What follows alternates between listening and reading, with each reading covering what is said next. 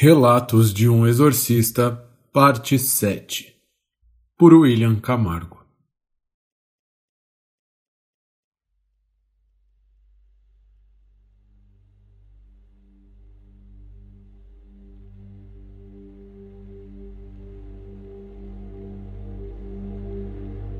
Se eu já amei alguém, muito, mais que qualquer coisa, cara. Mais que qualquer coisa. Pô, mas não entenda não. Se você não quiser falar, não precisa falar, tranquilo. Ah, não, não. Ela gostaria que eu falasse dela. Bem, eu a conheci na feira. Uma dessas feiras livres de São Paulo, sabe? Eu tinha só 16 anos. Vendia limão para fazer uma grana extra. Ela era filha de um feirante. Trabalhava ela, o irmão e o pai. Eu lembro exatamente do dia que a vi pela primeira vez. Mas não foi pela sua beleza ou simpatia. Nada assim. Eu lembro porque o irmão dela estava se metendo com alguma coisa que não conhecia.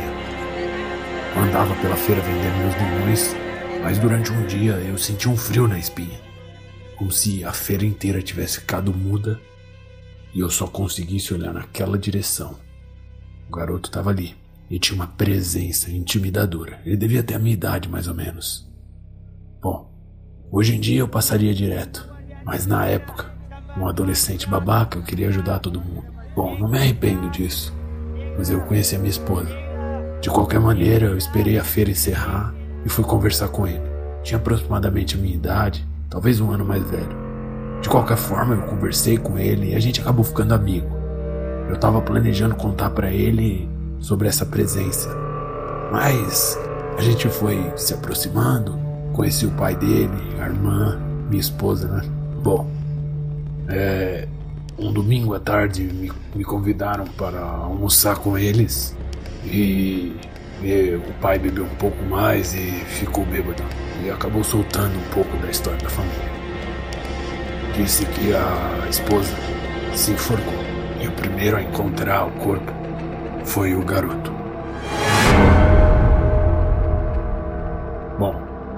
Nesse momento, mais uma vez o frio na espinha.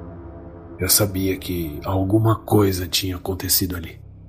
E aí eu fui ver com Will, ainda vivo na época. Perguntei sobre esse tipo de entidade que se escora em suicídios. Na época eu não sabia de nada, absolutamente nada. Ele me disse que é difícil saber que entidade é exatamente.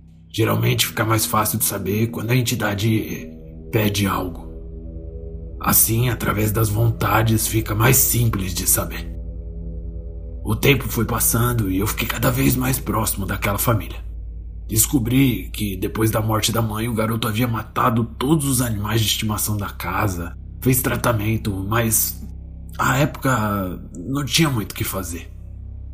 Um dia eu dormi na casa dele e durante a noite ele decidiu me mostrar uma coisa. Ele disse que às vezes, durante a noite, conseguia se comunicar com alguma coisa. Que essa coisa até mexia objetos, trazia sorte, mas que para isso tinha que obedecer uma regra. Se chamava dois por um. A cada desejo que ele quisesse realizado, deveria pagar duas prendas, que variava de uma martelada no próprio dedo até matar um gato. Enfim, eu fiquei chocado. Mas ele confiava muito em mim e eu precisava ajudar. E eu, burro, feito uma porta, apoiei a mão na cabeça dele e comecei a recitar o exorcismo. O garoto começou a se debater e o primeiro movimento foi um soco bem na minha cara.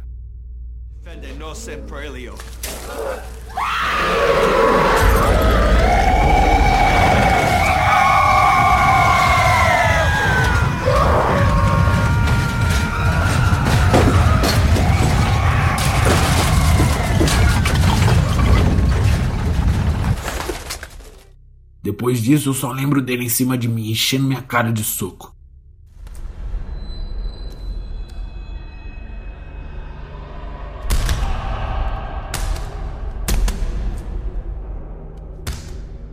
Eu achei que ia morrer. E provavelmente ia. Mas aí, de última hora, eu falei bem baixinho. Eu falei: dois por um, eu faço. O garoto, tomado por aquela ira, parou e sorriu. Eu sabia que era a entidade controlando aquele corpo.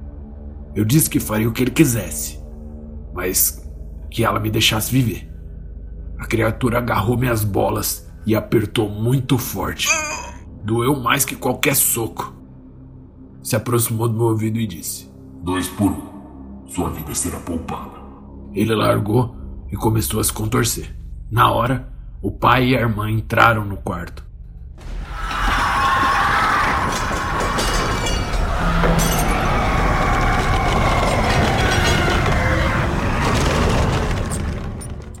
Continuei o exorcismo e o menino melhorou.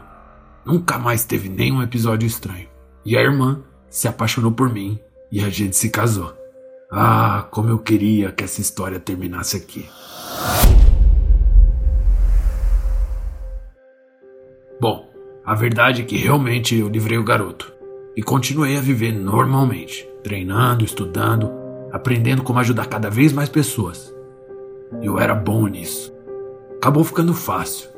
Eu livrava as pessoas dos maiores mares que você pode imaginar. Sete anos se passaram, tínhamos uma vida boa, nada de luxos, mas era uma ótima vida. Eu fui feliz naquele tempo. O tempo passou e certo dia, durante a noite eu voltava para casa. Bom, eu estava exausto. Eu abri a porta, tirei o casaco.